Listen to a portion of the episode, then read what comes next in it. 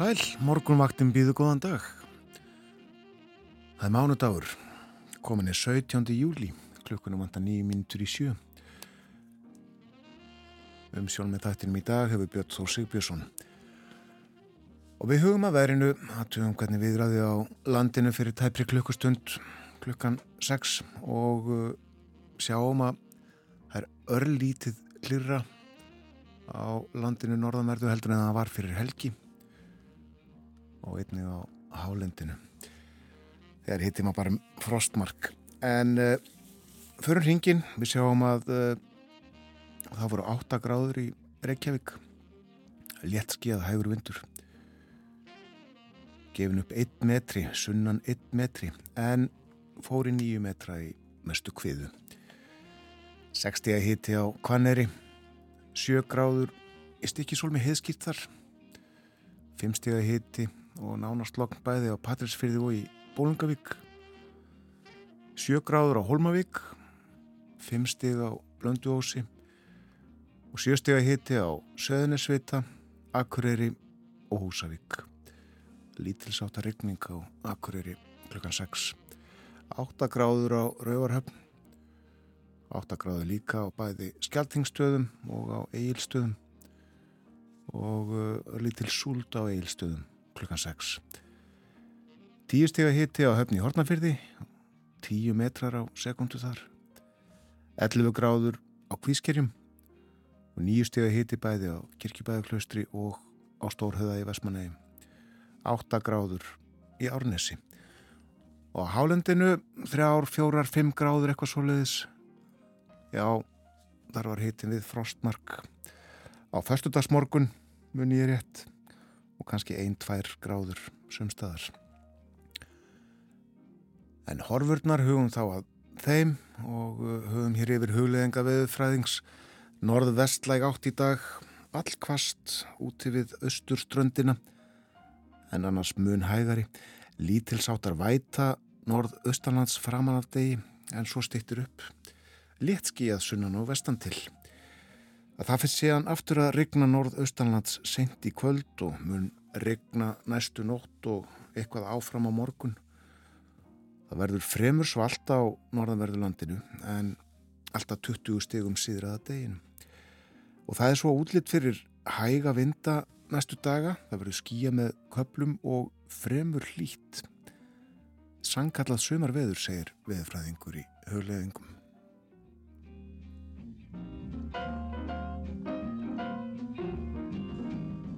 En gís við litla hrút á Reykjaneska og ennur aðgangur að góðstöðunum og heimill. Og segir á veðustofunar að uh, gasmengun frá góðsinu hún berst til suðus og uh, það má búast við að hennar verði vart á suðuslandavegi og á gunguleiðum að góðstöðunum jafnvel einnig í Grindavík mátti búast við því í nótt. Ég held að eigi að taka ákvörnum það núna í morgunsárið hvort að uh, fólki verður heimilt að fara að góðstöðunum og uh, það er alveg öruglega sagt frá því fréttunum fylgjus með því. Nú nú, alls konar spjall á dagskrá morgumvaktarinnar í dag í eh, blandið tónlist og eh, við setjum fyrsta lag þáttarnist hennan morgunin af stað. Hugljófur tónar hér uh, þetta er úr kvikmynd frá 1959 líklega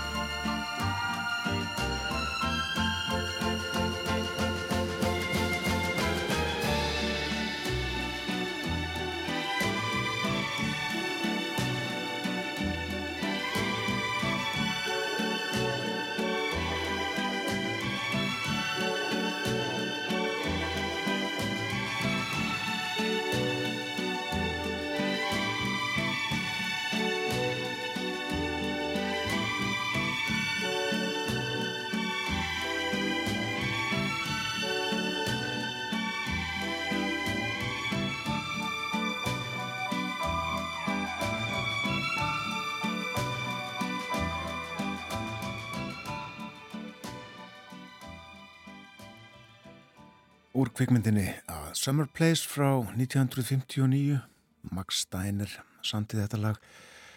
En eh, kvikmyndin svo var gerð eftir samnefndri skáltsugu í henni segir af ástum unglinga af ólíkum stjettum og þetta var vinsalasta lag ásins 1960 uh, satt held ég í nýju vikur í eftirsæti vinsaldalistans í bandaríkjunum Og við heyrum á eftir fleiri vinsæ lög frá árinu 1960. Ég fer ítalega yfir dagskrátt þáttarins eftir fréttinnar sem að koma eftir rúma mínútu en uh, gett þess að uh, við minnum fjalla um útivist og gunguferðir, heyra af uh, lífinu og tilurinu í Þingeðsveit og tala líka um letu að fund allarsafsbandalagsins í síðustu viku.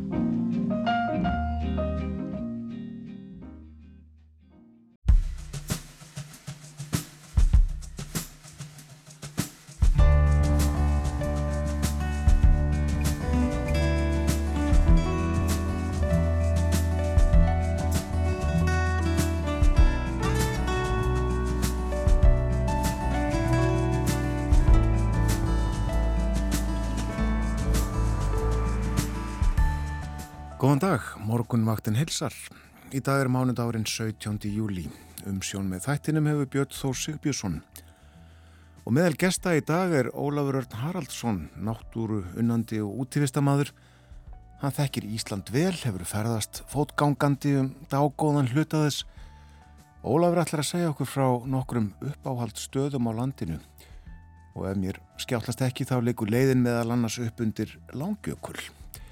Ólafur verður hér upp úr halv átta.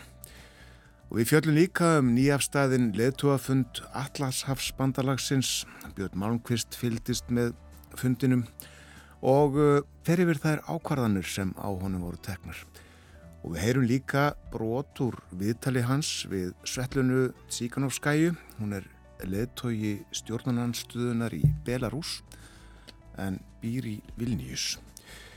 Og í síðasta hluta þáttarins ringjum við norður í land. Við spjöldum við Ragnhiði Jónu Ingimarsdóttur, sveitastjóra í Þingeðarsveit, um lífið og tilvöruna í þessu stærsta sveitafélagi landsins.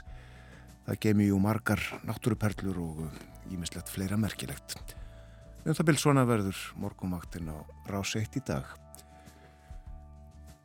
Og við hugum að veðrinu, aðtöfum hvernig viðrar á landinu höfum hérna yfir Spána norðan og norðvestan 5-10 metrar en 10-15 metrar austast. Lítil sáttar væta norðaustanlands framan af degi en stitti síðan upp að mestu. Bjart með köplum sunnan og vestan til fyrir aftur að regna austanlands sent í kvöld og nótt. Og morgun þrýðudag norðvestan 8-15 kvassast austast, dáli til regning á austanverðulandinu en annars yfirleitt bjartiðri. Hitti á morgun víða 5-12 stig en alltaf 20 stig sunnalands. Og á miðugudag þá verður hæg norðlæg eða breytileg átt og skýja með köplum, bjartviðri siðra, hitti 10-20 stig hlýjast sunnalands. Á fymtudag hægviðri og skýjaða mestu, lítilsáttar væta við suðvestu ströndina, hitti á fymtudag 10-18 stig og eins og eins og áður hlýjast sunnalands og uh, fyrir uh, förstudag, lögadag og sunnudag hægir vindar, bjart með köplum og stökuskúrir og fremur hlýtt í veðri.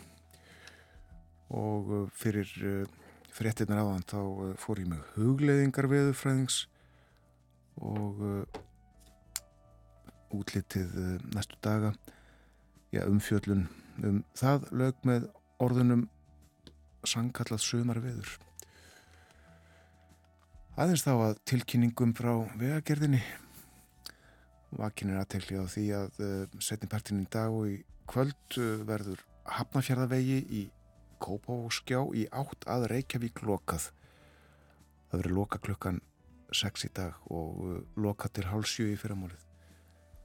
Það verður unni við gatnalýsingu og hjáleiðir verða mertar á staðnum og það maður búast við minni hátt á töðum.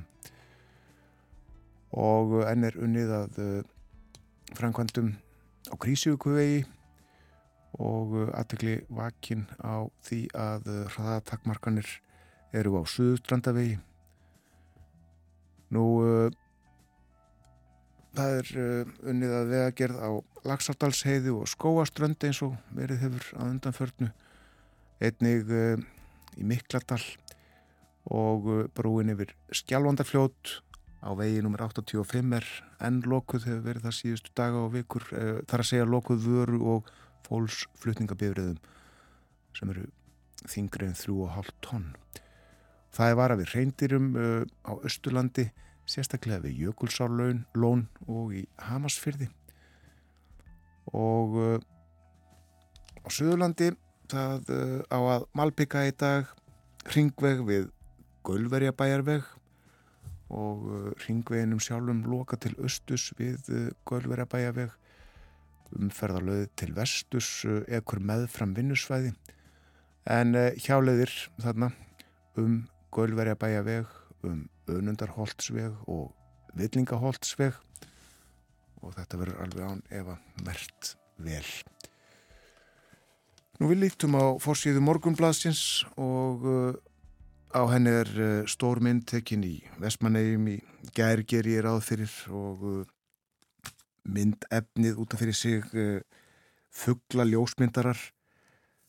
Taka mynd af lundum á stórhauða í heimaði en þeir kannski ekki stóra málið heldur hitt eigin sjálf, hafið og himinin falleg mynd. En segir hér lundarnir hafa lengi hillað fólk. Og hér náðir aðtikli fuggla ljósmyndara á stórhauðaði heimaði Stóra fréttin um gósið sjálft flæði kvikunar sem kemur upp úr eldgósinu við litlarhútur stöðugt og þetta er haft eftir Bendit Gunnari Ófeksinni sérfræðingi á sviði jarðskorpur reyfinga á viðstofu Íslands.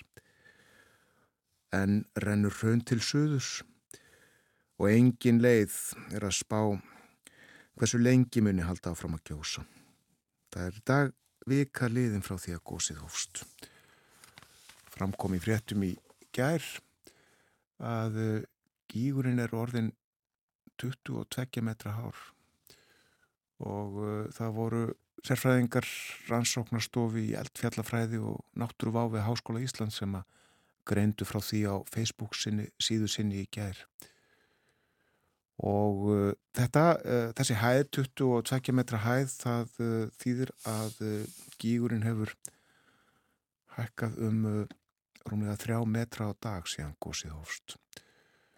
Og eins og ég gatum áðan og framkom í fréttunum þá uh, er uh, enn uh, óheimill aðgangur að góðstöðunum en ákveðu verður á fundi klukka nýju í dag hvort að fólki verður hlift þar að og verður þá sagt frá því. Rétt hér fleira fórstíðu morgunblæðansins rétt í blæðinu við Ástráð Haraldsson í skipaða ríkisáttasemjara.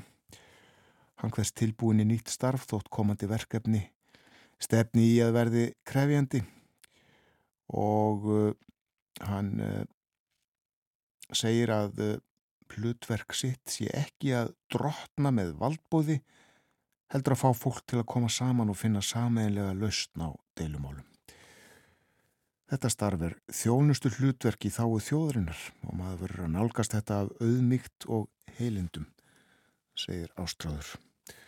Það er líka hér sagt frá uh, miklu framkvæmdum í eigafyrði en uh, Yngvi Stefánsson bóndi í tegi og formaður félagssvínabænda hann er nú að reysa nýtt svínabú á Sölvastöðum. Og hann uh, gerir það í samstarfi við tvö fyrirtæki Norðan heiða byggverða tvö hús. Í allt um 3200 fermetrar að stærð um 400 gildur verða á búinu á hverjum tíma. Við þurfum að tala eins um hitan í Evrópu, fara hér yfir hitatölurnar. En uh, þær hafa verið skuggalegar síðustu daga og uh, spáð áfram miklum hlýjindum, byrjum á aðtöða hvernig uh, við erum mun á uh, í höfuborgum Norðurlandana í dag. 20 stig, sínist mér 21 gráða kannski í Köpanahöfn í dag þegar hlýjast verður. Og uh, heldur svalara í Ósló 19 stíða hitti þar uh, þar rignir núna nú í Stokkólmi fyrir hittin í 21 gráðu. Og uh, í Helsingi þar verður 21 stíks hitti líka í dag þegar hlýjast verður. En í París 25 stíða hitti og í Berlin 20 sjögráður og uh, áfram skoðu við stöldrunast við Rómarborg og uh, þar er búist að hittin fari í 39 gráður í dag. Og í Madrid svona svo við gerum stikkpröfur líka 39 stiga hitti þegar hlýjast verður í dag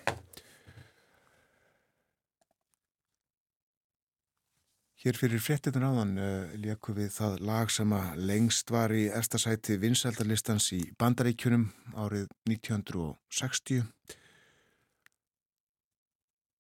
Þeim að lagið úr uh, kvikmyndinni A Summer Place var í nýju vikur í toppsætinu. En uh, annað vinsælastarlagið í Bandaríkjunum það ár hétt og heitir He'll Have To Go og það er eh, Jim Reeves sem að syngur hlustum á það.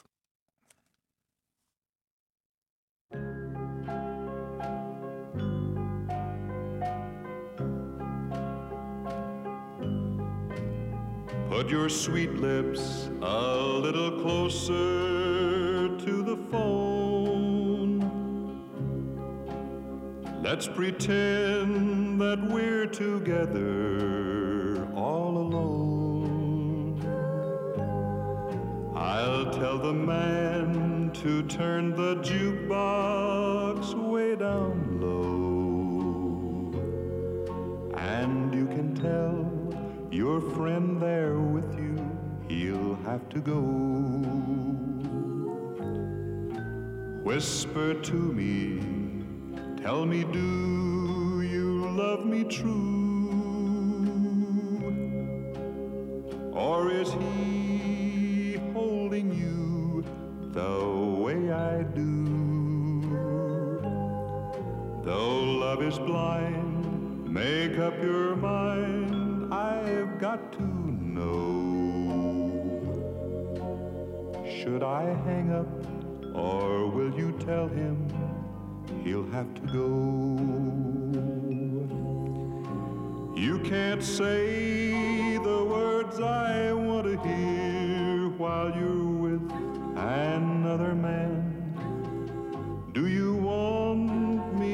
answer yes or no? Darling, I will understand. Put your sweet lips a little closer to the phone. Let's pretend that we're together all alone. I'll tell the man to turn the jukebox way down low. And you can tell your friend there with you, he'll have to go.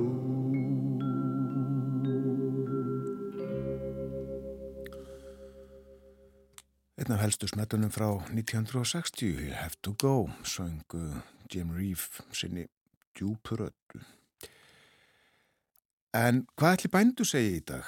Það er sjálfsagt misjamt þegar eftir því hvar á landinu þeir eru í hvaða búskap og ímsu fleiru, öllum aðstæðum og kannski skaplindi. En hvernig ætli skilir þið til heiskapar hafið verið sumarið 1951? Pál Sofóniasson upplýsti um það í pisli sem að flutti í útvarpi um miðjan júli það ár. Pál var búfræðingur frá Hólum og stundaði framhaldsnám á Norðurlöndunum. Hann var bóndi í Reykjóldsdal kendi á Kvanneri og stýrði hólaskóla og var svo búnaðaráðunettur og svo búnaðamála stjóri og í um aldar fjörðung var hann alþengismadur fyrir framsóknarflokkin. Við hlustum nú á Pál Pistilans og uh, munum að uh, þetta er sömari 1951. Gott kvöld. Ég hef verið beðin að segja ykkur eitthvað um heimskapinn og heimskaparhorðurnar.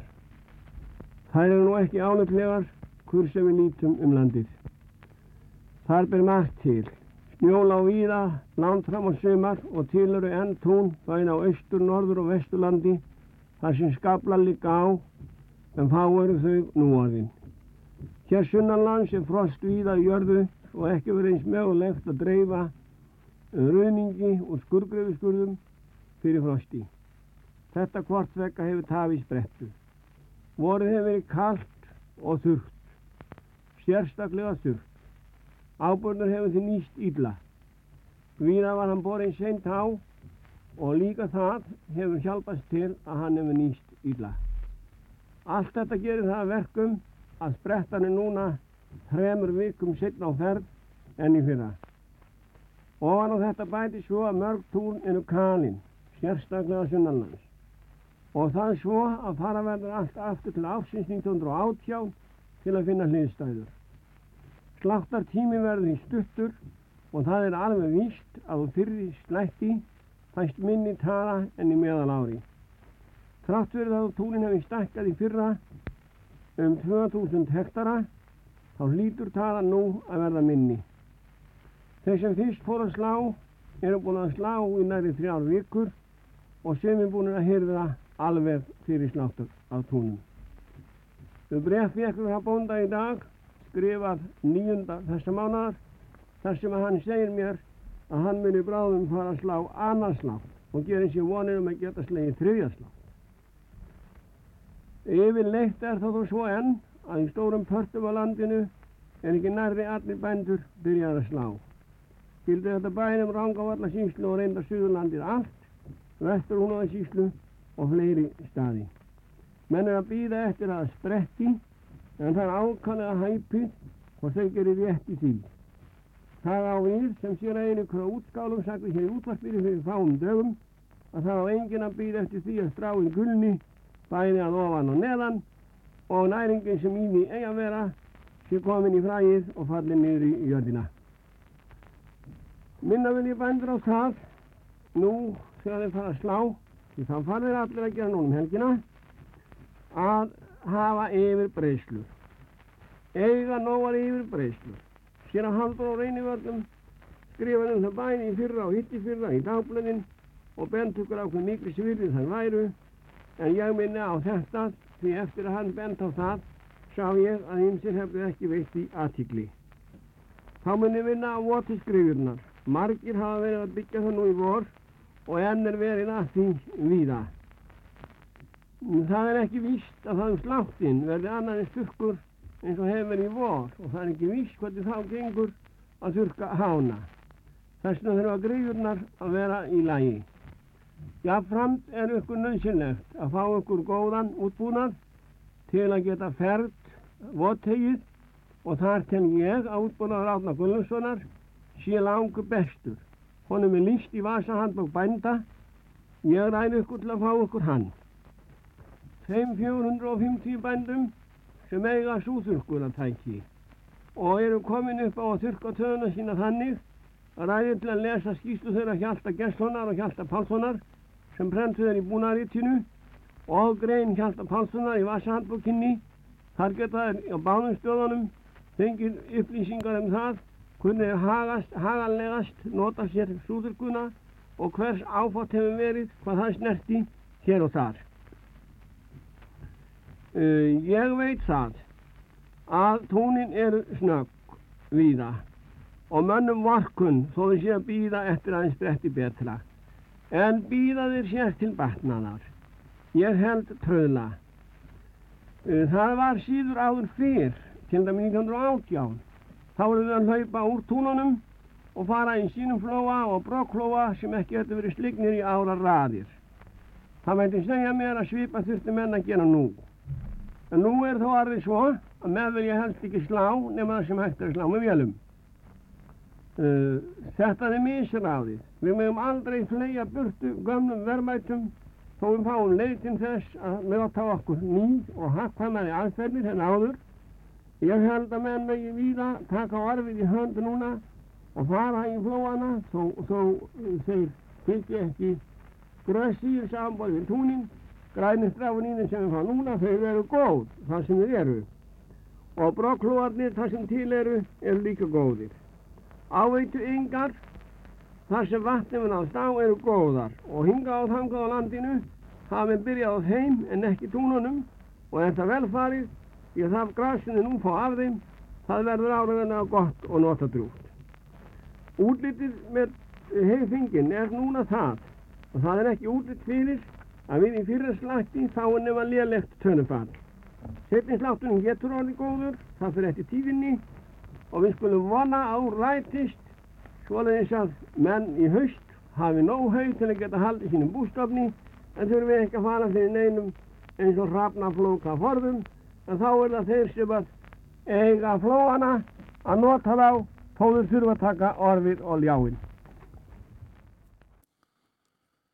Pál Sofóniasson í Pistli sömari 1951 fór þarna með eh, yfirliti yfir ástand túna og uh, veitti bændum góð ráð. Eins og ég sagði áðurinn ég setti þennan pistil af stað þá var Pál uh, meðal hans búnaðamálastjóri og uh, alþingismadur, gengdi ímsum störfum æfina og hann satt líka í nokkrum ofnbyrjum nefndum, var uh, formaður kjötverðalagsnemndar og mjölkurverðalagsnemndar og uh, svo satt hann í útlutuna nefnd jeppabifriða, var í þeirri nefnd í einn tólv ár. Já, það var nú ekki þannig uh, þá að uh, fólk gengi inn á næstu bílasölu og kipti sér jeppa. Það er að fá uh, leifi. Jepparnir voru skamtaðir.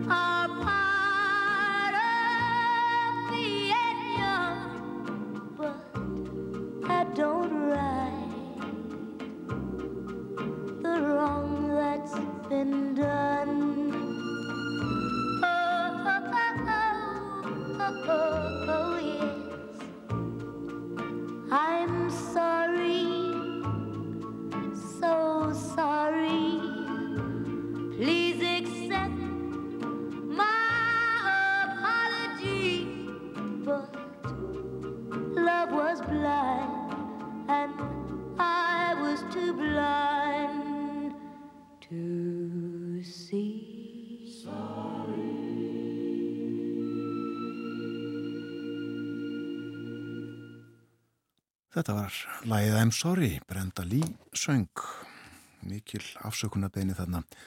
Þriðja lægið sem við leikum þennan morgunin eh, af eh, vinsaldalista 1960. Það líður að fréttaði liti, fáum það á eh, slæginu halv átta eftir réttapar þrjár mínútur, heyrum fyrst auglýsingar. Og eftir fréttaði liti þá verður Ólafur Örn Haraldsson hér með okkur. Hann ætlar að uh, segja okkur frá uh, staðið eða stöðum sem uh, verður að heimsækja á landinu, hann þekki landi vel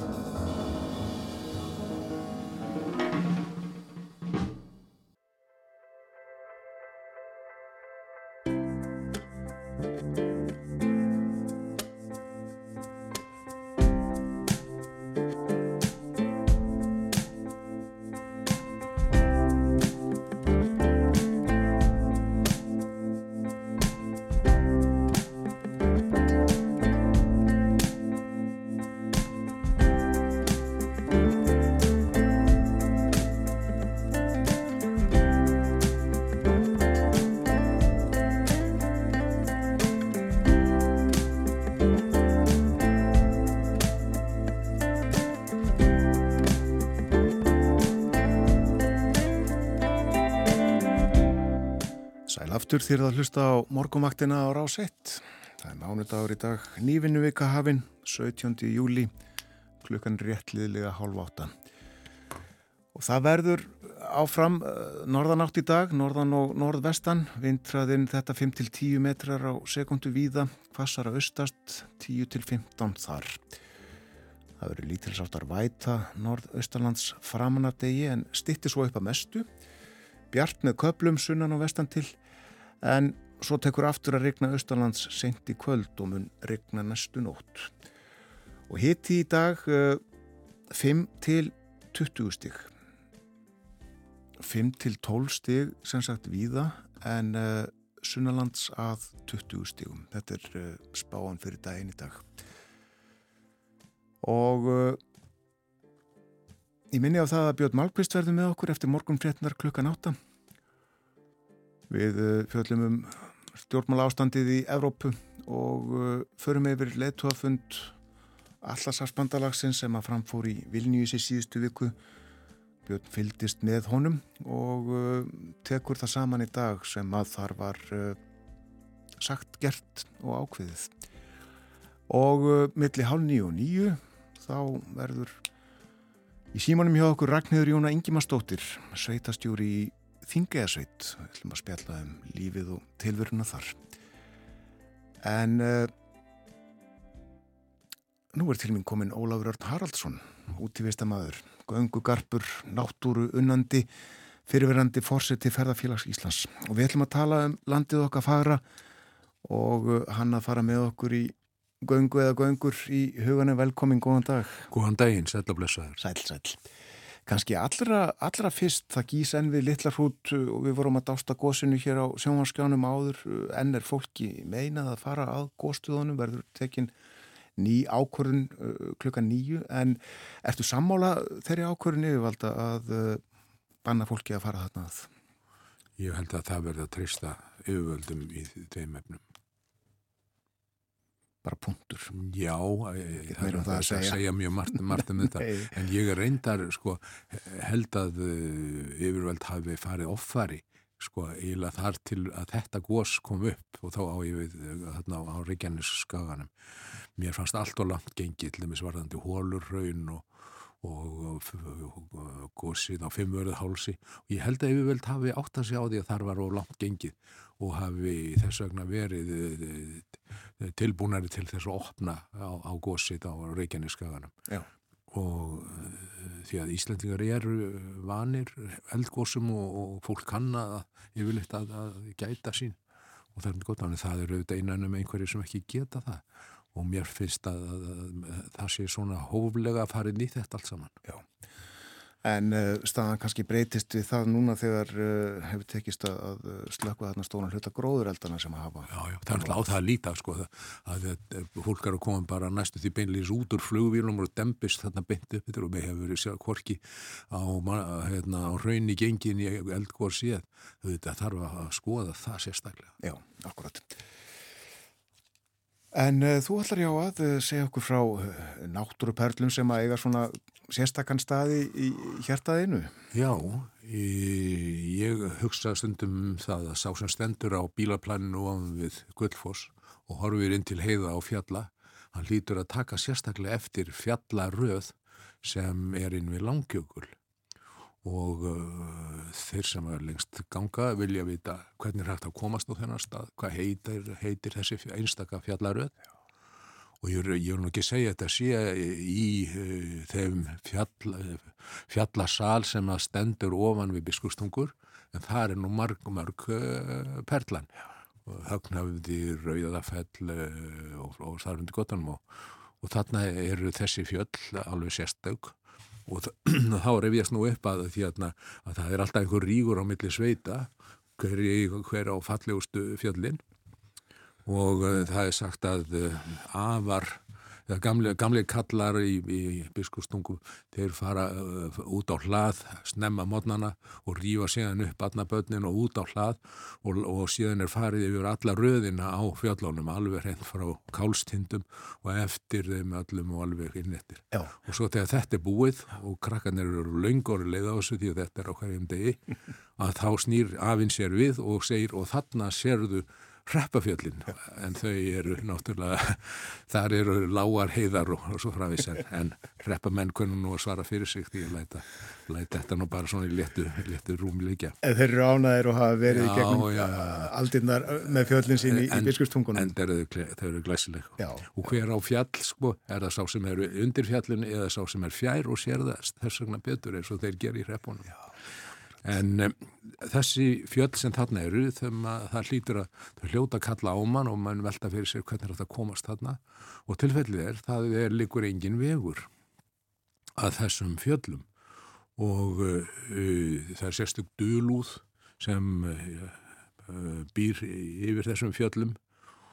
Og til til að fáir eh, höfðu komið þarna þar til núna fyrir svona í byrjun þessar aldar Já. að ferða til Íslands og var þarna fyrir um kvöðl eins og viða annar staðar og emdi til ferða bæði já, sem var hluti á lengri gunguferð og eins líka sérstaklega inn á þetta svæði og þetta er eh, fjöll sem að heita jartlettur og bara nafnið eitt og sér er stórbrotið og, og kallar á skýringar.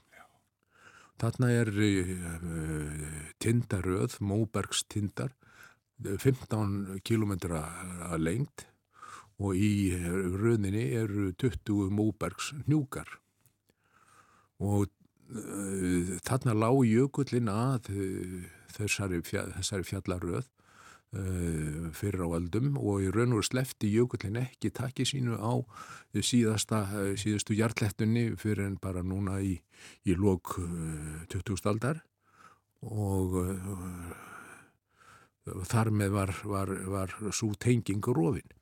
En við það að jökullin hverfur þarna frá komið sér innan við hjartlettunar, þá opnast landið og og uh, þar myndast lón og, og, og alls konar förðu myndir sem gaman er að skoða. Og þarna eru vött líka mikilvæg þetta nálægt. Já, eru, já, þessi vötn eru nú svona breytilega því að þau eru á grunnu, þetta er grund og uh, jökullón sem að þetta er ekki djúb lón og það er svona, svona uh, færist yfir borðið þeirra á stærð tölvert mikið til.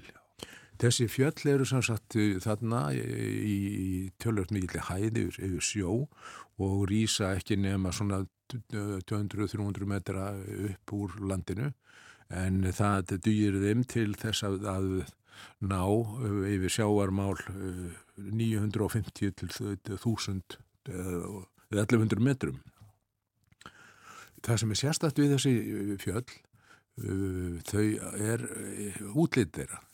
Þau sum þeirra eru uh, uppmjó í, í, í tindum og, og þau má kalla um, uh, topphettur sem leikir sér svo litið og þetta gerir nú fæðið minn í árbókinni 1960 skrifaði um, um þetta. En hinnar eru uh, stífðar af ofan og slettar og eru þá kallað stromphettur. Já, já, já. Og síðan hafa menn verið náttúrulega leika sér að því að búa til allskins nöfn á þessi á einstaka hjartlettur og stakhetta, jafnvel vaglhetta, það veri svo vagl, svo fjármark uh, hafa, hafa komið þarna upp en menn hafa velt fyrir sér hvað, hvað þýðir og hvaðan er nafni jar, jarlhetta komið Og kanntu skýringar? Nei, ég kann það ekki og, og í raun og hefur er engin, engin ein skýring skinsamlegur heldur en önnur. Þó má segja það að þeir sem vilja nefna fjöll eftir lögun þeirra hljóti náttúrulega taka eftir því að þetta er nokkuð líkt járnhettum sem voru, uh, hvað maður segja, á miðöldum og uh, í, í nótkunn hjá hermönnum og eru, eru líkar þessu. Uh, engin jarl hefur verið á Íslandinu með gissur og hann kom þessum máli bara ekkert við og, og var ekkert til söguna nefndur þegar þessi fjöll voru uh, nefnd. En það er ekkert, ekkert til sem er, er nú að samfærandi járnhettur sem breytist í jarlhettur kann að vera svona það skásta af, af þessu. Já, já. Hvernig eh, komist við þarna eh, á þessa slóðir í dag? Já, þá er nú komið að því að velta fyrir sér hvernig, hvernig það getur orðið og, og ég ítreka það að þessi fjöll eru samsagt innan, ef við getum orðið það, við langjökul innan við Guldfoss Já. og þá er einfaldast að keira inn á Bláfellsháls sem að ég verður ekki að skýra það fyrir hvað hann er, það er leiðin inn á kjöl og það er hægt að beigja til, já, vinstri komum að rúsuðri inn til langjökuls og það er nú orðið fjölfari til að þarna er e, ferðarþjónusta bæði e, já, velsleðarlega á vetuna og útgerð heilmikil. Og þarna er skálpanes dingja eða skálpanes gömul grágríti stingja sem þarna er. Mm. og þarna það, og hefja, best að hefja gönguna þarna og ganga e, fram með hjartlettónum og nýður að skála ferðarfélagsins sem er já, einum 19 kilometrum eh, neðar og þá hefur maður gengið með þessum fjöllum allum. Já. Uh, en hérna, þetta, þetta er óttalugur óvegur, afar grítt og lítill gróður og, og hérna, auðvelt að detta á, á, á nefið. En þegar maður kemur nokkuð áleiðis og er farin að hafa sterka Eh, tilfinningu fyrir hjartlættónum á hægri hönd, þá er skynsamlegt að stinga sér inn á millið þeirra inn í gegnum skarð og er þá komin inn í þennan sérstaka heim á bakvið hjartlættunar og er umlíkin í íslenskri eh, ram íslenskri náttúru, það er að segja jökullin eh, er annarsvegar og hinn hinnum megin eru er, er þessi einstöku fjöll og þau hafa náttúrulega myndast hjartlættunar hafa náttúrulega myndast í sprengigósi undir, undir jökli. Og, uh, og það sér hverki á neitt annað heldur en, heldur en Móberg. En í þessum dal þar sem engin vegur liggur er held ég einn af þeim stöðum sem að það sem að finnur mest fyrir óbyggða öra eða kyrð og það er hverki til byggðar að sjá. og um, e, þessi kraftar sem þarna eru, jökullin sem hópar og, og uh, vötnin sem myndast og hjartektin sem standa þarna slóttugar og, og, og svolítið okkveikjandi en voru áður uh, í bláma og æfintýra ljóma, það er ekki maður að sér að þetta eru, þetta eru tröll Er þetta uh, fjöld þeirra náttúru að uh, þau kalla á mann að ganga á sig eða er nóg bara að ganga með þeim og, og virðaðu fyrir sér? Já, það er nú eiginlega, má segja að það séu kortækja, sko. Það að ganga með þeim, gefur manni þessa tilfinningu fyrir þeim og, og, og, og líku formið þeirra, en kalla líka á að ganga á þar. Þetta er óttalega erfið, ekki sérstaklega skemmtilega að ganga vegna þess að þetta eru skriður og mjög lausar í sér og svo efst eru, eru kletta uh, borgir og þess vegna ekkert, ekkert sérstaklega skemmtilegt að ganga upp þessu skrifðu. Þó er einn af þessu hjartlættum sem er eiginlega má segja uh, sker sig úr og heitir stóra hjartlætta. Uh, það hefur ránglega verið nefnd uh, tröllhætta, það er nú nafn sem er ekki held ég brúklegt svona til, til betri tíma og en þangaði upp er hægt að fara, það er svona 250 um, metra ganga og á þessari stóru jarlættu er feiknalega magnað og mögnuð útsýni. Það er í fyrsta lægi náttúrulega bara nálagt uh, næstu jarlættum og síðan inn til, inn til jökla, inn á kjálveg og síðan yfir langjökul og, uh, og hagavatn. En hagavatn er þarna alveg í sjónmáli og uh, þá getur maður auðvitað að sé þá landmótur sem þar er þar sem að sko hagavatn hefur uh, hvað maður að segja brotist fram úr úr sinni kví í tvígang og þetta blasir við þessi landmótun þegar maður er þarna upp á, upp á hérna stóri jarlættu Hefur þú oft sinns komið þarna upp? Já, ég hef komið þarna all, all oft, já og um, ég, ég, það er hægt að gera það. Ég hef ferðarfélagið þar sem ég hef nú verið farastjóra þessi slóðir. Uh, ég gerir það með tönnumhætti annars vegar bara dagsganga þar sem enn fara alveg í rauðabítið frá Reykjavík eða einhverjum öðrum stöðum og upp á Bláfellsháls og hefja gönguna þar og ganga sérsagt uh, suður eða vestur uh, til ferðarfélagskálas í við e einifell. Það er auðvelt að hvað það varðar að, að þetta er fallum uh, mörgkundur metra þannig að það er ekki á fótinn en það, þetta er grítt. En uh, þarna er mest spennandi að fara inn fyrir og, og vera í, inn í dalnum uh, og, og, og skoða, skoða hann. Er þetta fjölfarin leið? Nei, Nei. það er ekki. Það eru fáir þarna ferli. en það er eins og sé, það er hægt að fara að gera þarna dagsverð, fara að snemma á stað og ganga en það tekur náttúrulega þessa 19, 19, 18, 20 kilometra. En síðan það sem að ferðarfélagi gerði var að hafa þetta lið í fjögra dagagöngu sem er mjög skemmtilegt. Þá er, þá er þetta semst fyrsti dagurinn, þá er gengið úr skálpanesinu og niður í ferðarfélagskálanum sem ég nefndi og síðan næsta dag að fara yfir brúna á farinu sem að rennur úr hagavatni og yfir að uh, hlöðuvöllum, það er gengið yfir lambarhönn og loks frá hlöðuvöllum að kalla á kellingu við uh, skjaldbreið, það er nú léttur dagur en síðasti dagurinn er líka æmintýralegur, það tá að gengið til byggða niður í gegnum dulafullt skarð sem heitir klukkuskarð. Akkur er þetta dulafullt? Já, það er eiginlega svo hlið milli bara inn til, já, fram til byggðar eða þá inn til fjalla. Og svo náttúrulega er þetta líka uh, sérstakt, þarna er, var uh, skessa sem satt fyrir, satt fyrir mönnum en var nú hrakin þarna upp já. uh, kellinga greið því að hérna, hún var náttúrulega með leiðindi niður í byggð og, og hérna klukkuskarð heitir þetta nú sennilega vegna þess að það eru fjöll þarna sem að líka líkjast klukkum. Já.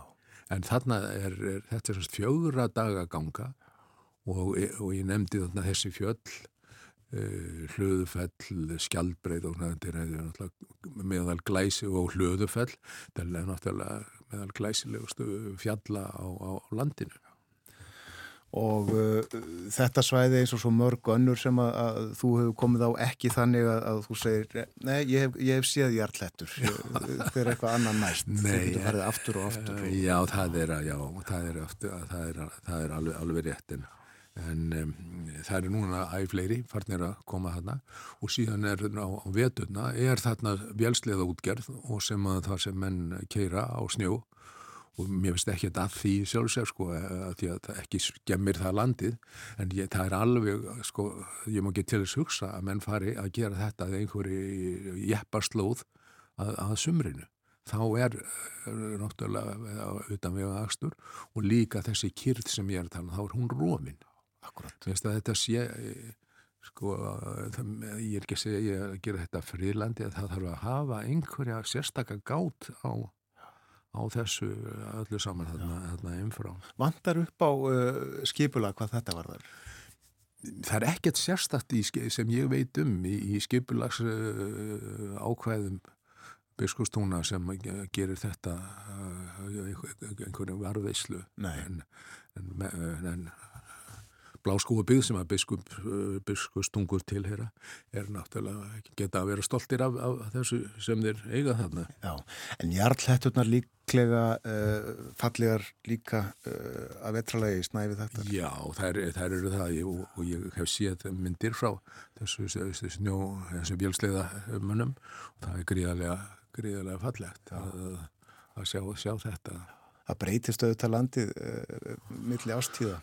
Já, mér finnst nú fallegri náttúrulega sumar, sum- sumarbúningurinn þó en, en semst ferðarfélagin á skála hérna við einifell sem er hérna í, í, í, í jarlætturöðinni hann var byggður 1942 þannig að sér að fer, fer, ferðarfélagi hefur nú verið hérna bísna lengi og uh, er sérstaklega skemmtilegt er skálar ferðarfélagsins, þeir eru allir eh, eins og fyrst og fremst eh, svona gistiskálar, en ég eh, mér finnst mjög umhugsunarvert hvert í raun og veru stefnir um uppbyggingu ferðarþjónustu á hálendinu. Það er, finnst mér, hefur brostið þessi stefna sem var gerð að það erði engöngu um, svona fjallaskála, svona myndarlega skála að, að ræða þar en að luxusin sé hafður út við jæðar hálensins. Þetta var alveg, þetta var bara meittlaði stein. En hvað sjáum við núna? Ég, ég treystum bara til þess að nefna Kjellingafjöld og ég treystum til þess að nefna að það er hugmyndir sem nýlegar framkomnar um uppbyggingu í landmannlögum og náttúrulega hverja vellar hafa verið nefndir og auðvitað kallar þetta á það að þeir sem að reka þetta, þeir þurfa náttúrulega að hafa fjöi í sína til þess að nása þessari arsemi og þá þarf að ebla þjónustuna og hún þarf að vera sérhæfðari og það þarf að fleiri, það þarf góða vegi og það er um gotanum. Þannig að mér finnst að þarna hefur þessi múr sem var slegin um miðhálendið, um skilgreiningu á luxus eða bara myndalögum uh, skálum, uh, þetta hefur verið rofið og við sjáum það náttúrulega það, þetta kallar náttúrulega á, á allt annað yfirbarað þegar þetta er núna bara á fullu beint fyrir hugunum á okkur og gerist náttúrulega bara með, algjörlega með vitund skipulega sigurvalda menn þetta er ekkit gert í nefni le, með lein Nei, akkurat Við ræðum þetta kannski betur setna en þakkaði kellaði fyrir að koma hinga í dag Ólafur Sörnleifsson og segja okkur frá jarlhettum jarlhettunum 20, sagðu það ekki að vera um 20? 20 Móbergs njúkar. Já, já. Kerða ekki rættur. Semleis. Ólafur Haraldsson með okkur hér á morgunvaktinni.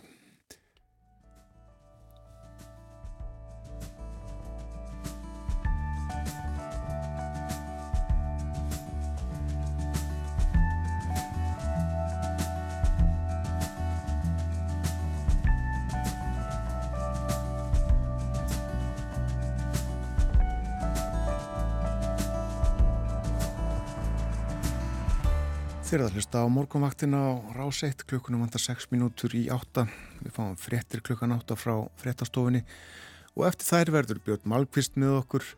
Hann er í Brussel, komið þangað aftur eftir að hafa skroppið til Vilnius í síðustu viku til þess að fylgjast með leituafundi Allansafsbandalagsins og uh, ég get þess að, uh, þess að uh, spjallum þennan fund í síðustu viku og uh, segja okkur af uh, öðru er varðar uh, stjórnmál og fleira í Európu að þá ætlar hann að leika brot úr viðtali sem hann átti við Svetlunu Tsíkonafskæju leðtoga stjórnarnastuðunar í Belarus. Hún býr í Vilnius og milli hálni og nýju sveitastjórin í Þingaðsveit Ragnhildur Jóna Ingimarsdóttir spjöllum um lífið og tiluruna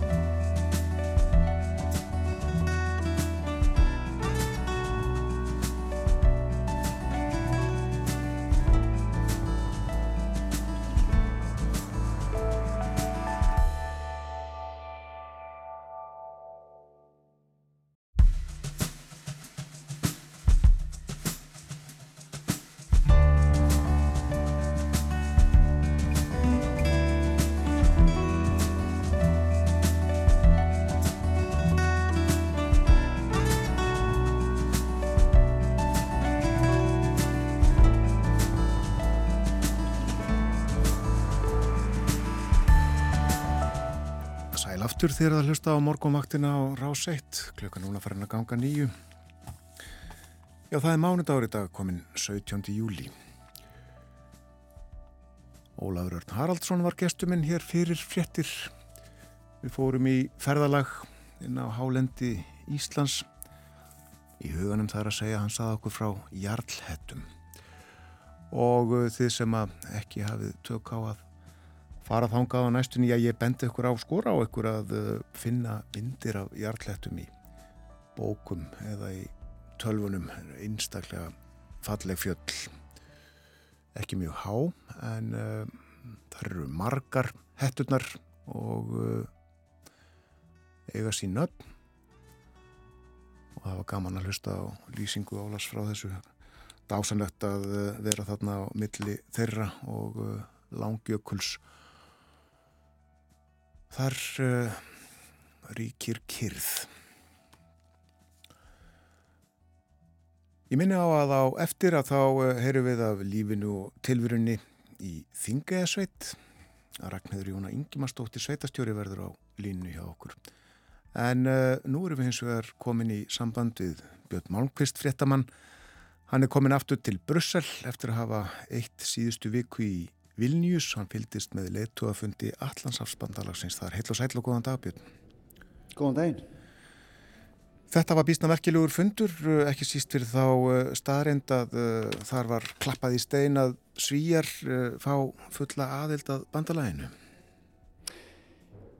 Já, það var klappað í stein allavega politist eins og var reyndar gert í Madrid á leituafundi NATO í Madrid í fyrra en það var svona ítrekkað núna að Erdogan Tyrklandsfósetti sem að helst hefur staðið í vegi fyrir því að, að, að, hérna, að umsóksvíja er því afgreitt það hafa öll aðaldaríki sambandsins samþitt þetta nema Tyrkir og reyndar ungverja líka.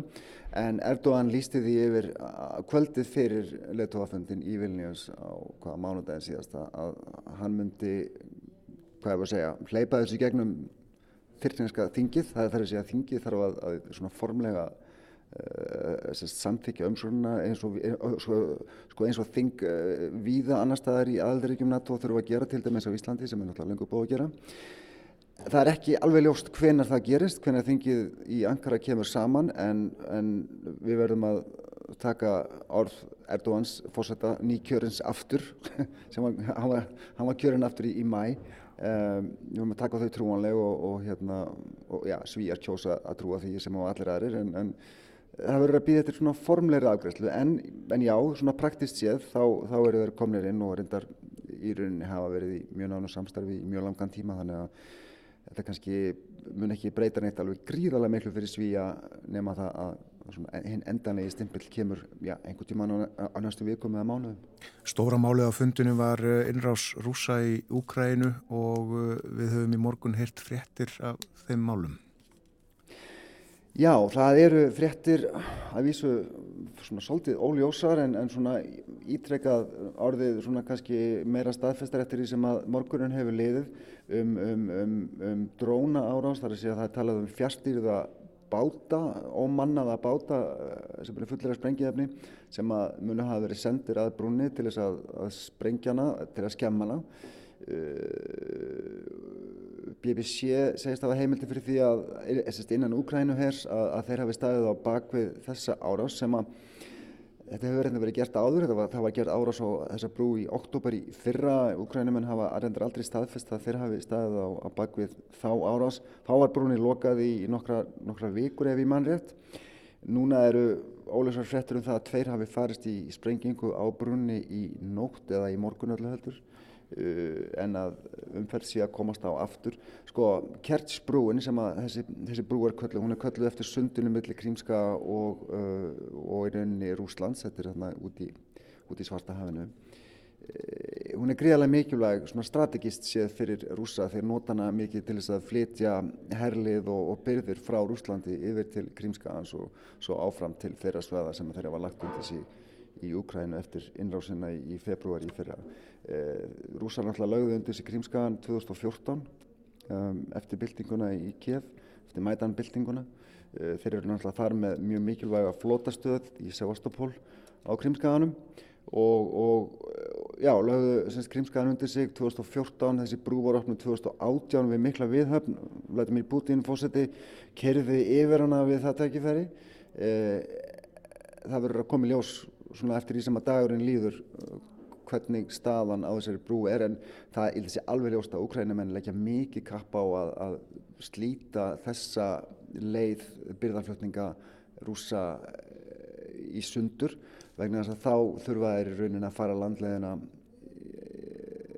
frá Rúslandi þannig að suður eftir, já, suður og, og vestur eftir Úkrænu þeim landsvæðum sem þeir hafa lagt undir sig þar og þær byrðarlegar eru miklu viðkvamari gagvart stórskotalis árásum Úkrænumanna þannig að, að það verður áhugavert að sjá á sama tíma segjast Úkrænumenn hafa unnið nokkuð á í gagsóknar aðgerðum sínum í austurhluta Úkrænu. Þeir hafa segist að hafa lagt undir sig nokkra ferrkilometra í hérna kringum bæinn Bakhmut. Kanski fólk manni til því það var gríðarlega hart barist um þann bæ á undarförnum mánuðum og rúsa lísti við sigri þar nýlega. Úkrænumenn segast að hafa unnið þar nokkur sigur undanfæranda sólarhinga. Allt þetta er erfitt að meta, þetta er allt saman byggt á, á orðum þú veist, annars hvors aðila, þannig að hérna, þannig að við verðum að sjá til en, en úkrænumenn að því við vorum að tala um leituaföndin sko, úkrænumenn fengu þar áframhaldandi skuldbindingar um stuðning af ímsutægi bæði frá NATO-ríkjónum og líka reyndar frá G7-ríkjónum sem eru, eru hópustæstu innríkja heims sem að ætluðu þar að leggja draugin að einhverjum öryggis skuldbindningum næstu árin fyrir Úkrænu kannski til að brúa bylið þanga til að Úkrænumennum verður bóðið, bóðin aðild að NATO sem var náttúrulega svona stóra, svona hinn heila í kalhugur sem að, að Úkrænumenn voru að vonast eftir en á þessum fundi í Vilnius í síðustu viku en kannski var svo sem aldrei endalega í kortunum. Þeir vildu fá einhverja dagsetningu í framtíðinni, fengu hana ekki og í staðin fengu þeir svona frekar óljóst orðaða yfirlýsingu um að jú, Úkræna ætti að tilhera allarsvarsbandalæðinu en það yrðu þegar að aðstæður yrðu réttar og aðeldaríkinn væru samfylg sem kannski segir nú ekkert úvalega mikið. Og Selenski ósáttur við þetta? Já, hann var það.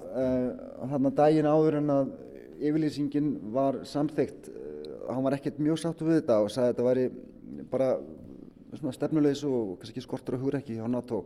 Það eru ímstir sem að hafa tekið undir þau sjónamið. Hann kom síðan á fundin daginn eftir og, og var enda viðstattur stopnu fund þess sem að heitir Úkrænu NATO ráðsins sem er svona samráðsvettvangur sem að, það sem að samstarf Úkrænu og NATO er tekið upp á hærra plan en áður uh, og þá svona hafði að sjálfsögðu sljákvað í honum enda líka það má líka segja það að Úkrænumenn þurfa náttúrulega á öllum stuðningi að halda sem þeir get, geta fengið hin, og, og svo frá hinni liðinni þá náttúrulega má líka segja það að sko, NATO-ríkin og NATO sjálft þurfti nöðsynlega að svona, eigum að segja, presentera óskoraðan og samhljóða stuðning allra ríkja innan NATO við Úkrænu ekki síst sko náttúrulega gagvart Rúslandi heldur líka en líka kannski gagvart sko almenningi í aðaldaríkjum NATO. Það er, þannig að það er svona þetta eru sameilegar þarfir e, þessar að tveggja aðila sem að svona spila svolítið saman og svona fundir, svona fundir er alltaf svolítið floknir og erfiðir og það tók mjög langan tíma að koma saman yfirlýsingunni sem var svo sendt út uh, þegar fundunum var að ljúka og, og svo yfirlýsing var í rauninni ekki endanlega samtitt fyrir en held ég bara sko, morgunin fyrir eða, eða þú veist kvöldi fyrir eitthvað álíka sko. Við hefum nefnt hérna Úkrænu og, og Rúsland og næsti nágræni þessar ríkja er Belarus sem við köllum lengi Kvítarúsland en uh, nefnum Belarus uh, að ósk heimafóls Akkurat. og uh, í Vilnius í Litáen býr já, það, hún er kölluð leiðtogi stjórnananstöðunar í, í Belarus, ekki satt Svetlana Tsíkanovskæja Jú, hún, hún er landflotta frá Belarus, hún náttúrulega eins og kannski fólk mann eftir, hún bauð sig fram til fórseta Belarus í kostningunum 2020 eftir að eiginmaður hennar sem var frambjóðandi, var, sagt, hún, hans frambóði var hafnað af ofinberi kjörstjórn hérna, í, í Belarus. Uh, hún bauð sig fram, uh, fekk ofinberlega um 10% atkvæða en það er almennt talið og viðurkjönd að hún hefði fengið mun, mun, mun fleiri atkvæði og, og hún lítur sjálf á sig sem, sem rétt kjörinn uh, fórseta Belarus. Hún flúði land skömmu eftir, það er búið að dæma eigin, mann hennar í 18 ára fangelsi og hann er sjálfa í 15 ára fangelsi. Hún býr í í, í Vilnius í Litáen, stjórnvöld þar hafa skotið yfir hana skjólshúsi og, og börn hennar og, og hérna þannig að hún hún, hún er þar uh, með sitt svona, ég var að segja, ráðuneyti, með starfslið þar sem að, sem að vinnur að í rauninni líðræðis umbótum og já, ég var að segja því að, að hérna, koma til valda rétt kjörnum fulltrúum fólksins í Belarus. Uh, hún var á letuafundinum til að minna á Belarus á þeim tímum sem allir eru að tala um Úkrænu að sjálfsögðu. Ég talaði við hana stuttlega á miðvíkudagin síðasta. Hún, skulum heyra kannski fyrsta kommenti frá henni. Hún sagði mig sko að hún, hún væri aðeins til að minna á Belarus. Hún sagði tilvera að Belarus er í hættu vegna ógnarinnar frá Rúslandi og hún vill endilega að sko málefni Belarus séu einni rætt þegar rættir um skipan öryggismála í þessum heimstuta og og, og þegar það er rætt þá ættu fulltrúar frá líðræðisöflum að taka þátt. You know the very existence of Belarus is at stake at the moment is a threat and its a threat comes from Russia and uh, Belarusian dictator. So uh, uh, that's why we I want uh, Belarus to mm, be also discussed uh, when you are thinking about future uh, security architecture of the region. And that on any negotiations about Belarus there should be democratic forces presented. Að Tíknónskæja, hún á uh, sérstakann, já, vinleiku mér við að segja og uh, eindregin stuðnismann í Udrækisráþra Íslands. Já, það er rétt. Þortís Kolbrún Gilvardóttur hefur sínt málefnum Belarus og, og málefnum Svetlaninn Tíknónskæja sérstakann áhuga og verið svona einörð uh, talskona þessara sjónameða í gagvart, gagvart Belarus. Það voru margir hliðaviðborðir á meðan á, á, á letuafundinu stofi Vilnius og, og Svetlana tók þátt í mörgum þeirra og skipulaði líka nokkra. Einn af þeim uh, þangað kom Þórtís Kolbrún Gilvóttóttir hún uh, á, á þann fund. Er hittust svo eftir fundin á stuttum enga fundi og Svetlana gaf henni viðurkenningu fyrir að hafa einmitt talað um og vakið aðtegli á málstað stjórnarhanstöðunar í, í Belarus. Og hún talaði líka um hversu mikilvægt það væri að finna fyrir stuðningi frá, frá ríkjum eins og Íslandi it's very important for Belarusian people to see that we are not alone, that we are supported, that we are not abandoned, and uh, such wonderful. Uh, people as uh, Icelandic who are so far away, you know, but they're so involved into Belarusian agenda. They really want to help. And sometimes when they hear that Iceland is a small country, you know, we can't do a lot, but look, uh, Iceland uh, is doing uh, time to time bigger things than powerful countries are doing. Og, já, hún sagði mitt að, að stundum væri sérst, Íslandingar að gera í rauninni áhuga meiri hluti heldur en stærri þjóður uh, getur gert kannski líka vegna þess að við erum lítil og, og hérna, getum lift okkur að segja hluti sem að stærri, hluti, sem að stærri þjóður geta ekki. Já, og eins og þú sagði þá er hún landflótta, búsett í Vilnius og uh, eiginmaðurinn í uh, fangjels í Belarus með langan dóm á bakkinu. Jú, 18 ár, þau eiga tvei börn, þau búa með svellunu í Vilnius Sko, Sergei Tsíkonarskæ var, var eiginmaður, er eiginmaðurinnar, hann, hann var eins og ég sagði fórsetið frambíðandi, hann var vinstall bloggari og svona YouTube uh, stjarnar í Belarus, ferðaðist um og talaði við fólku um stjórnafarið, um afstöðu þeirra til Lukashenko stjórnarinnar og var komið með sko rosastóran fylgjendahóp þegar hann ákvaða að bjóða sér fram og, og, og svo var hann að sapna undirskriftum fyrir kostningarnar, þá var hann handekinn uh, og endaði í fangelsi og var svo dæmdur í, í sagt, uh, átjónara fangelsi. Hún hefur ekki, Svetlana talaði með duman, sko því ég tók hana viðtalið þannig á miðugudaginn og held hún á möppu með mynd af manninum sinum og, og hérna, og, þannig að ég spurði hann aðeins um, um hvernig ástandið væri með hann, hún, meina, hún, hún og börnin hennar og börnin þeirra, þau hafi ekki, ekki síðan í þrjú ár, við slum, herra hvað hann hafa að segja um það. You know, a couple of days ago there was uh, news that uh, my husband died in prison. I hoped that it was fake news because it's not the first time. Uh, and I demanded from the regime, and I was joined in this demand by international society community, by uh, different diplomats and politicians. And a couple of days ago, uh, propagandist um, channels published video from prison with my husband. You know, honestly speaking, I hardly recognized him because he looks uh, very different from what I, what I, how I remember him. Já, hún var að segja þetta að hún hefði ekki séð mannin sinni í þrjú ára og svo fekk hún fréttir að því nýlega að hann hefði dáið í fangjálsi. Það kom í ljós að þær fréttir voru falskar, þannig að hún, hún graðist þess að fá einhverja fréttir þannig að það byrtist af hún á myndbandi í fangjálsi og hún, hún þekkt af alla, hún hefur breyst svo mikið, hann hefur breyst svo mikið. Og ég man eftir því þegar, þegar hún var að tala um þetta, það, það, það stundur bara erfitt að halda á, á, á, á hljóðnum að fyrir fram á svona fólk og einhvern veginn finna ekki, ég meina, ímyndaði þeirra aðstæðuna sem hann er í, þetta er alveg náttúrulega ræðilegt sko, þú veist, þú veist á persónulegum level sko. Já, akkurat. En hún er sterk og uh, vakið aðtikli mikla. Já, hún er gríðalega sterk, sterk kona, það er alveg augljóst og hún, hún ber þetta á, ég meina, hún sko strax eftir þessu kommenti sko um mannin sinn og þetta mjög svo persónulega uh, mál sko, þá leitt hún strax yfir í sko í raunni að að hvernig ástandið væri á einhverjum þeim hvað 1500 sem að vita er um pólitískum föngum sem að eru í fangelsum í Belarus og, og fór að tala um það. Þannig að hún er alltaf að íta áfram málstafnum á sama tíma og hún er náttúrulega heia sko, gríðarlega persónulega baráttu sem að snýst bara um sko, tilveru fjölskyldu hennar og, og, og hérna, maður getur bara rétt ímyndið sér hvernig, hvernig það er að fá svona, svona, svona skílabóði þú veist, einhver daginn um að já, bara maðurinn er dáin, hann er ekki já, og hérna en, en við ætlum að byrta þetta viðtal á, á Rúf English eh, þjónustunni sem er á rúf.is og það verður, verður byrta á, á morgun óþýtt og óstitt viðtalið við Svetlana. En hvað er svo framöndan í, í eh, stjórnmálum og, og málefnum sem að tengjast heim í álfunni næstu daga?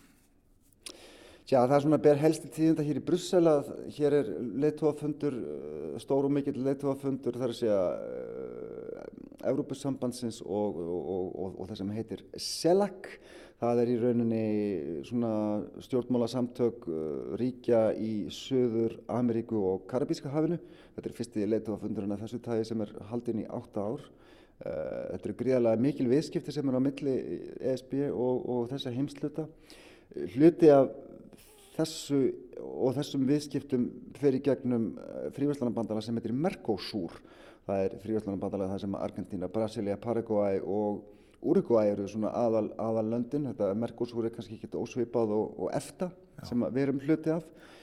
Uh, sko það er búið að tala um ESB Mercosur uh, fríværslanarsamning síðan 2019. Það hefur ekki það kannski gekk ekkert rosalega vel á meðan að Bolsonaro, Bolsonaro var, var fósettin í, í, í Brasilíu.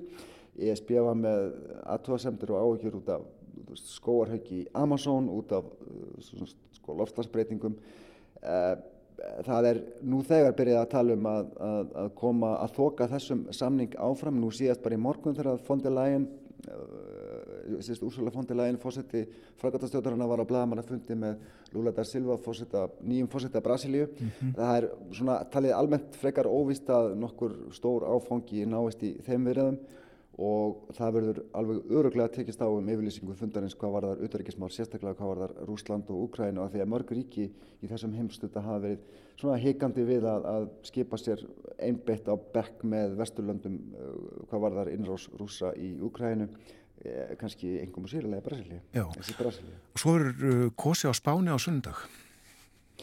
Já, það er nefnilega mjög spennandi kostningar að framöndan á Spáni á sunnudaginn sem að Hugo Sánchez fórsetis á þeirra bóða það til eftir, hvað, fyrir svona mánuði, tvei mánuði síðan, eftir sveitistjórnarkostningar í maður sem að, þar sem að hans flokkur, Sósýristilflokkurinn, beðir nokkurt afhróð það er miðjuhægri flokkurinn PP, flokkur fólksins ef svo má segja, hann er núna efstur í skoðanakönnunum og það eru taldar líkur á að sá flokkur geti myndast stjórn með flokki sem heitir Vox sem er ennþá lengra til hægri heldur en PP sem er kallan auka hægri flokk það er svona kannski fara aðeins mildar í sakirnar. Um, það kemur í ljós á sunnudaginn. Það er svona mjög óvíst með sko, skoðanakannanir það er svona sína ímist uh, já, ég meina PP er náttúrulega efstur í skoðanakannanum en það er aðsendis óvíst hvort að þeir fá nót til þess að, til þess að mynda stjórn.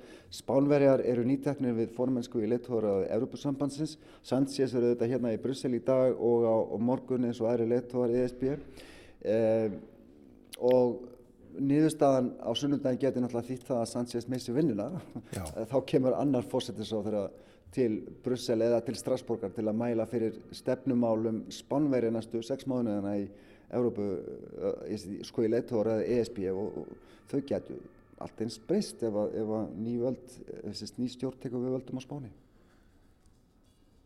Segjum þetta gott í dag. Kæra þakki fyrir Björn Malmqvist í Brussel. Takk fyrir mig.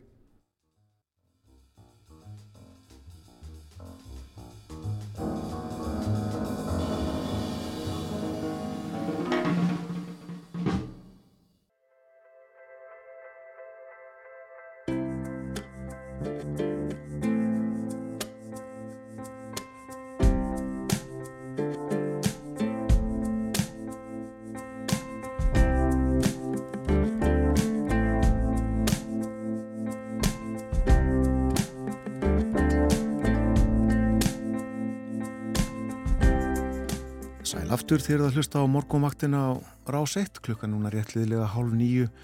Það verður norðan og norðvestan átt á landinu í dag, uh, viða 5-10 metrar á sekundu, kvassara austast, vindræðin þar 10-15.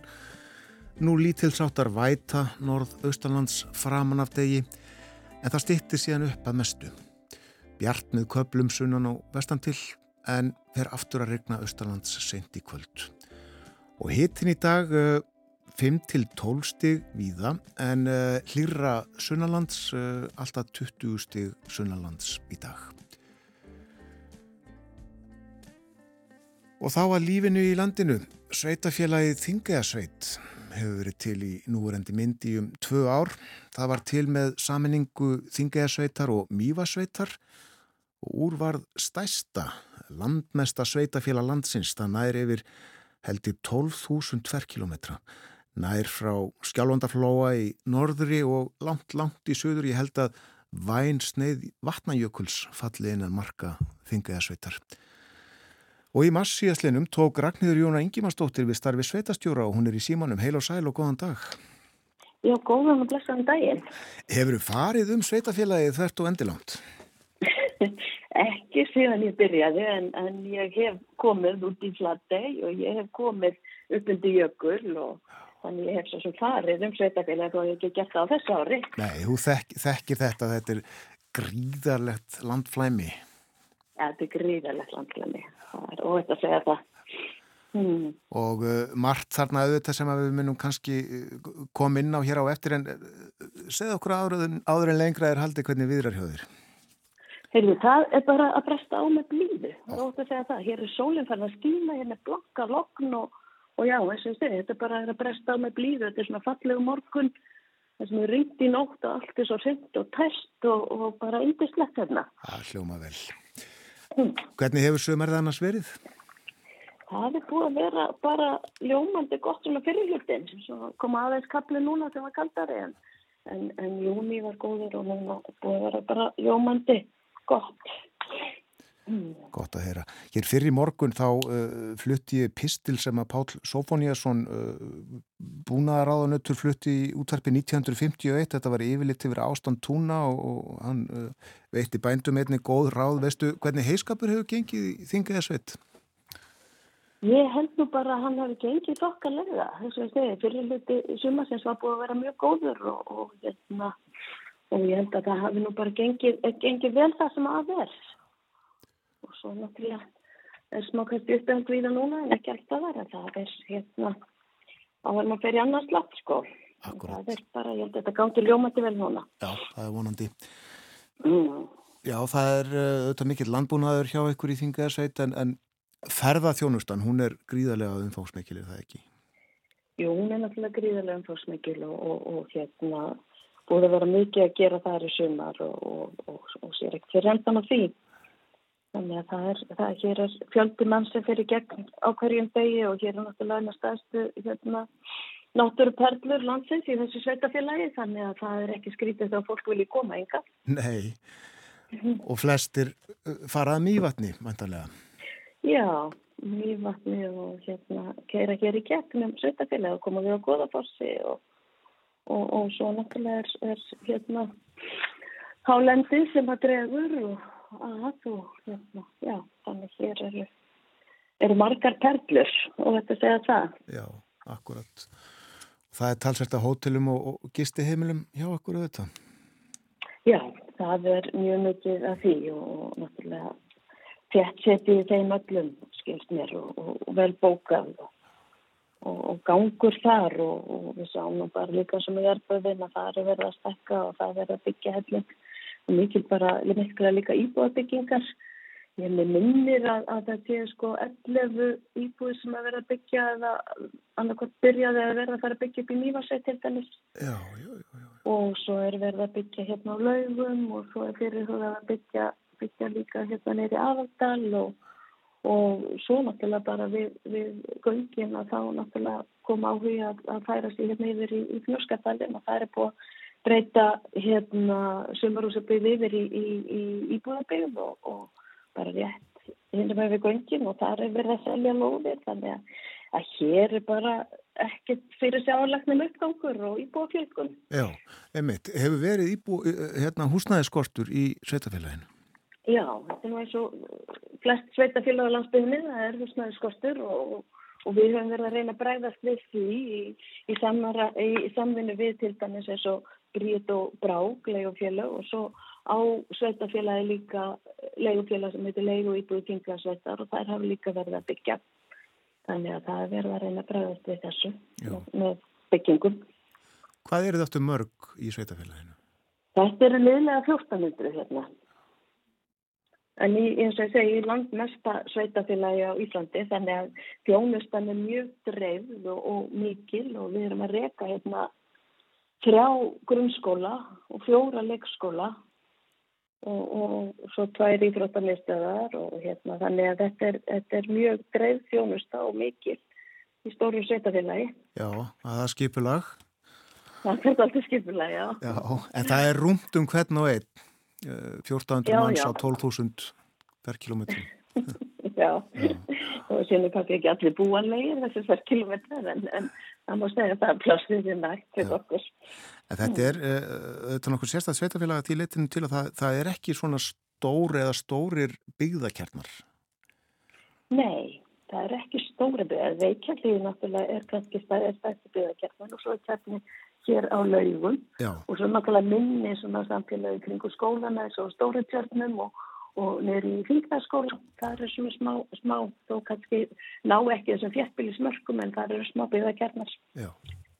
Þannig Akkurat, en, en ekki myndast svona einhverjir, einhverjir bægir eins og er nú. Nei, nei, það er bara reykja hlýtum með stæð. Sko. Já, akkurat. Og þú já uh, á laugum?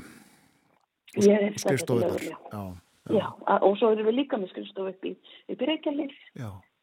Þannig að hérna, að, og svo vorum við að fara í samstarfið hérna vatnajökulsfjökar Eh, um, um aðstöðu í gíg. Gígur er þáttið spennandi hérna, verkefni sem að Þingarsveit er orðin formlegur eh, aðili að og, og þar er vatnajökulstjókarður og, og þar er hérna landgræslan og náttúruransóknarstöðin við Mýva og umhverjastofnum og við erum komið þar með sex borður líka sem við, við erum að, að eh, undirbúa að nýta og erum farin að nýta. Og þar er gegnum okkur er þar komið inn þekkinga með kringenga og, og nýtt setur sem heitir hulda náttúruhugvísindasetur og svo erum við að fara í, í samstarfi þekkinganetið um, um verkefni í, í restina þessum borðum sem við erum, að, erum komið með þetta í tíð þetta er svona tekkingar svolítið setur þarna. Og fólk þá einhverjum að rannsaka náttúruna eða hvað? Já, þarna er fólk að rannsaka náttúruna. Og ymsum, ymsum, hérna, já, ymsum áttum sko. Já, mývatnuðu þetta fylst grant með lífríkinu í því? Já, já, náttúru rannsóknar viðstöðin vinnur við það. Svo var nú í frettunum bara í gær var það ekki talað um uh, lagsá í aðaldal þar sem að, að uh, ekki hefur veðist jafn mikið og þeir vilja landegundur og kenna virkjunni um. Já, ég hef mist að þessu. Já, Já. Sendu landsvirkjun sneið. Já, veit Ég látum það líka millir hluta. Já, já, ég gerum það. En uh, sko Já, margir hafa atvinnu af ferðarþjónustu og svo eru þetta þessi miklu landbúnaður í þingaðarsveit og, og svo eru þarna fræðimenn. Eru, eru aðrir atvinnuvegir svona sem að sem að þarnast fólksfjölda og þar sem að mörg störf eru? Það er náttúrulega, kannski þetta sveitafélag hefur sérstöðu þýleit að í sveitafélagin eru fjóra virkjanir og, og þar vinna talsvægt margir. Þannig að það er líka svona ákveðin sérstöða. Það eru fjóra virkjanir, já. Já.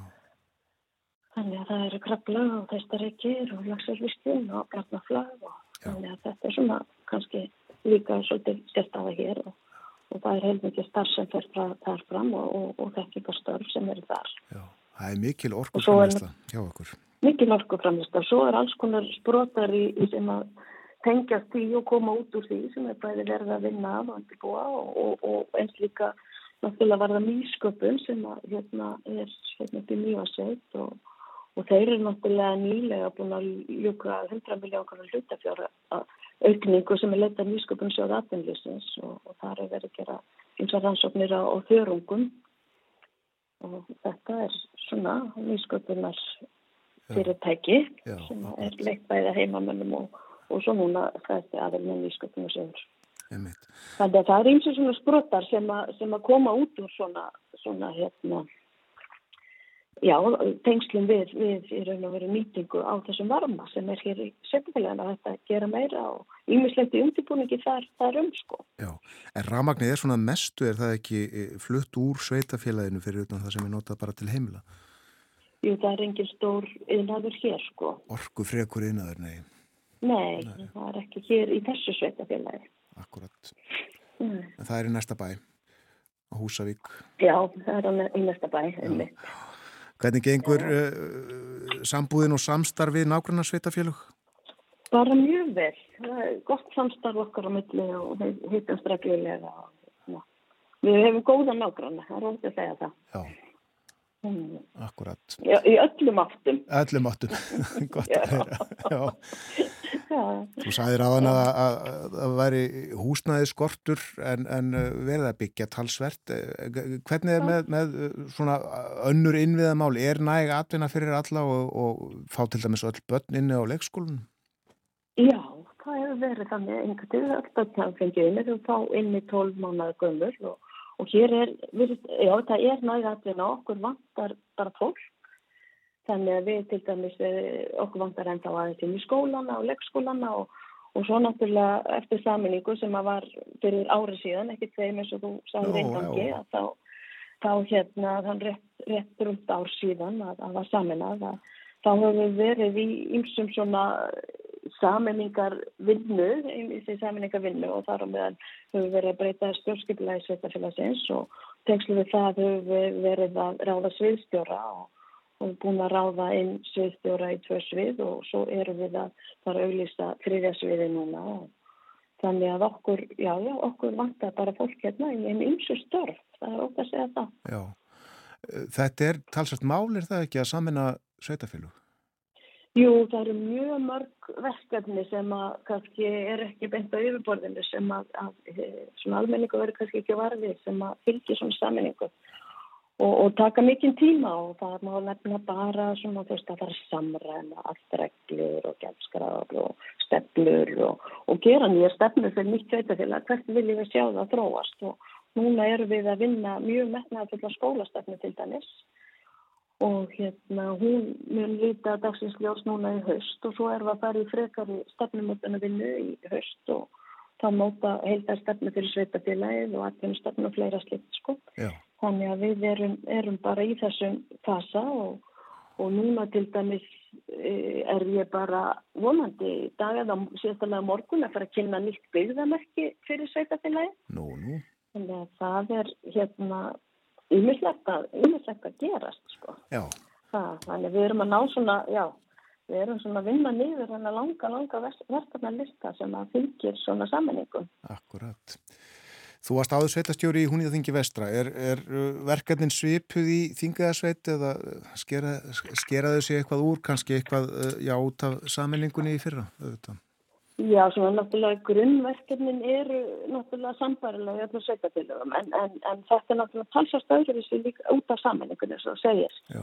Það eru mjög mörg verkefni sem að fylgja henni og svo er þetta náttúrulega mjög landmikið sveitafélag og, og, og, og dreifður rekstur þannig að það er ólítið við hún að þing. Það er náttúrulega 20 ár rúmlega síðan, já, 25 ár síðan að það saminnaðist og hérna og svona komið í, í ákveði fast form og, og öll fjónusta á nánast mikið til á einum stað sem er, sem er með dreifis hér. Að því leiti er þetta aldrei ólíkt en, en auðvitað eru grunnverkefnin alltaf þessum við höfum ákveðin lögbundum verkefni sem við þurfum að sinna og, og hrein þurfum við að sinna vel. Og, og svo er það ef, ef afgangur er þá er þetta þar í öllur verkefni sem ekki er lögbundin Þannig við að þungur eksturinn hjá sveitafélagunum, hvernig er staðan hjá ykkur?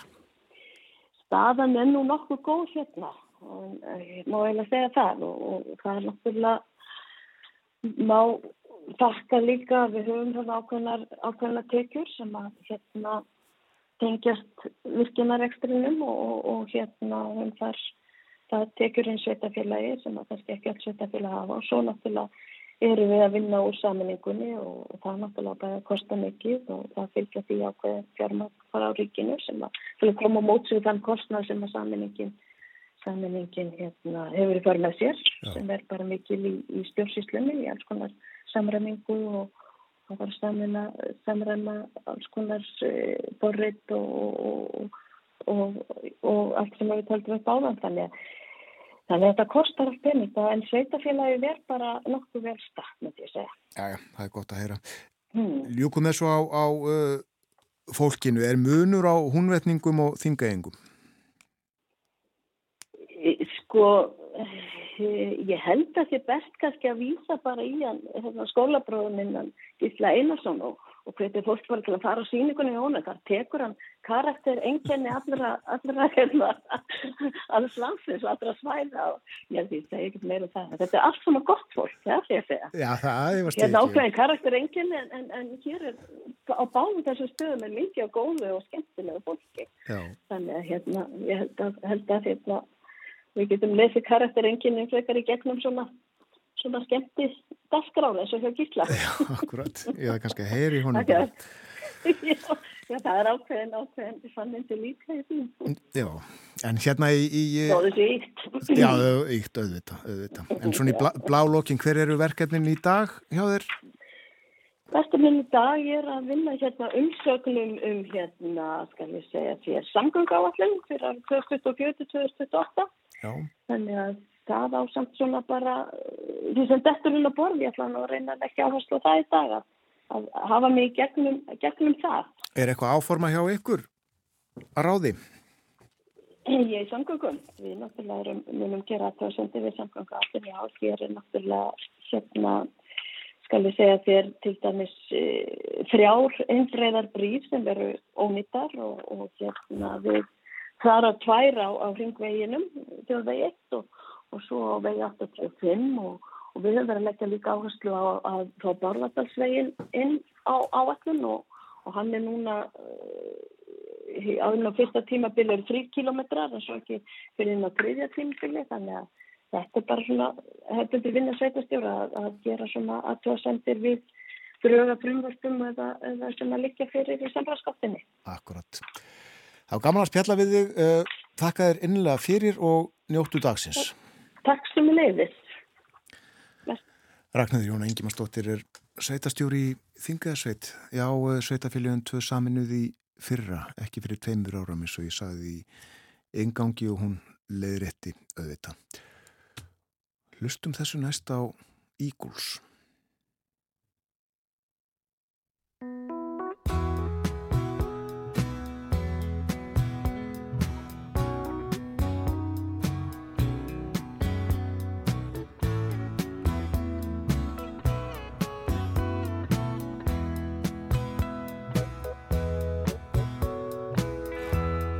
Eagles. talk on the street, it sounds so familiar.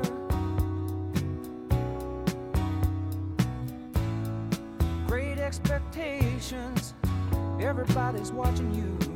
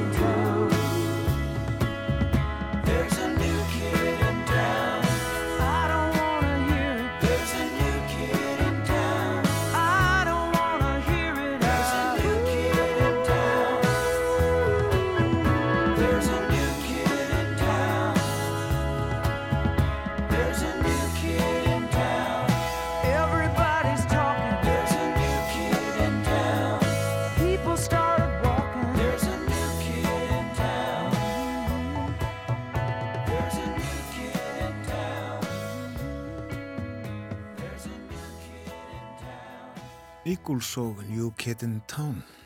Áðan var í símanum úr Þingaðasveit sveitastjónin þar Ragnhjörður Jóna Ingimarsdóttir. Við spjöldluðum um lífið og tilveruna.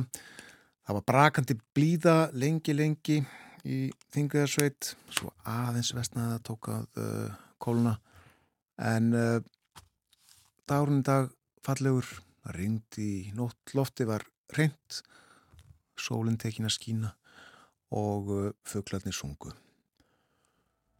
Með okkur hér á morgunvaktinni í dag líka Björn Malmqvist í Brussel, spjörluðum um stjórnmáli Evrópu og uh, heyrðum uh, brotur viðtali sem hann átti við leðtóa stjórnar anstuðunar í Belarus, svellunu Tríkanóskæju og hér snemmaði morgun Ólafur Örn Haraldsson útivistamæður náttúru unandi hann uh, sað okkur frá jarlhettum og uh, hvart okkur til þess að fara þangað.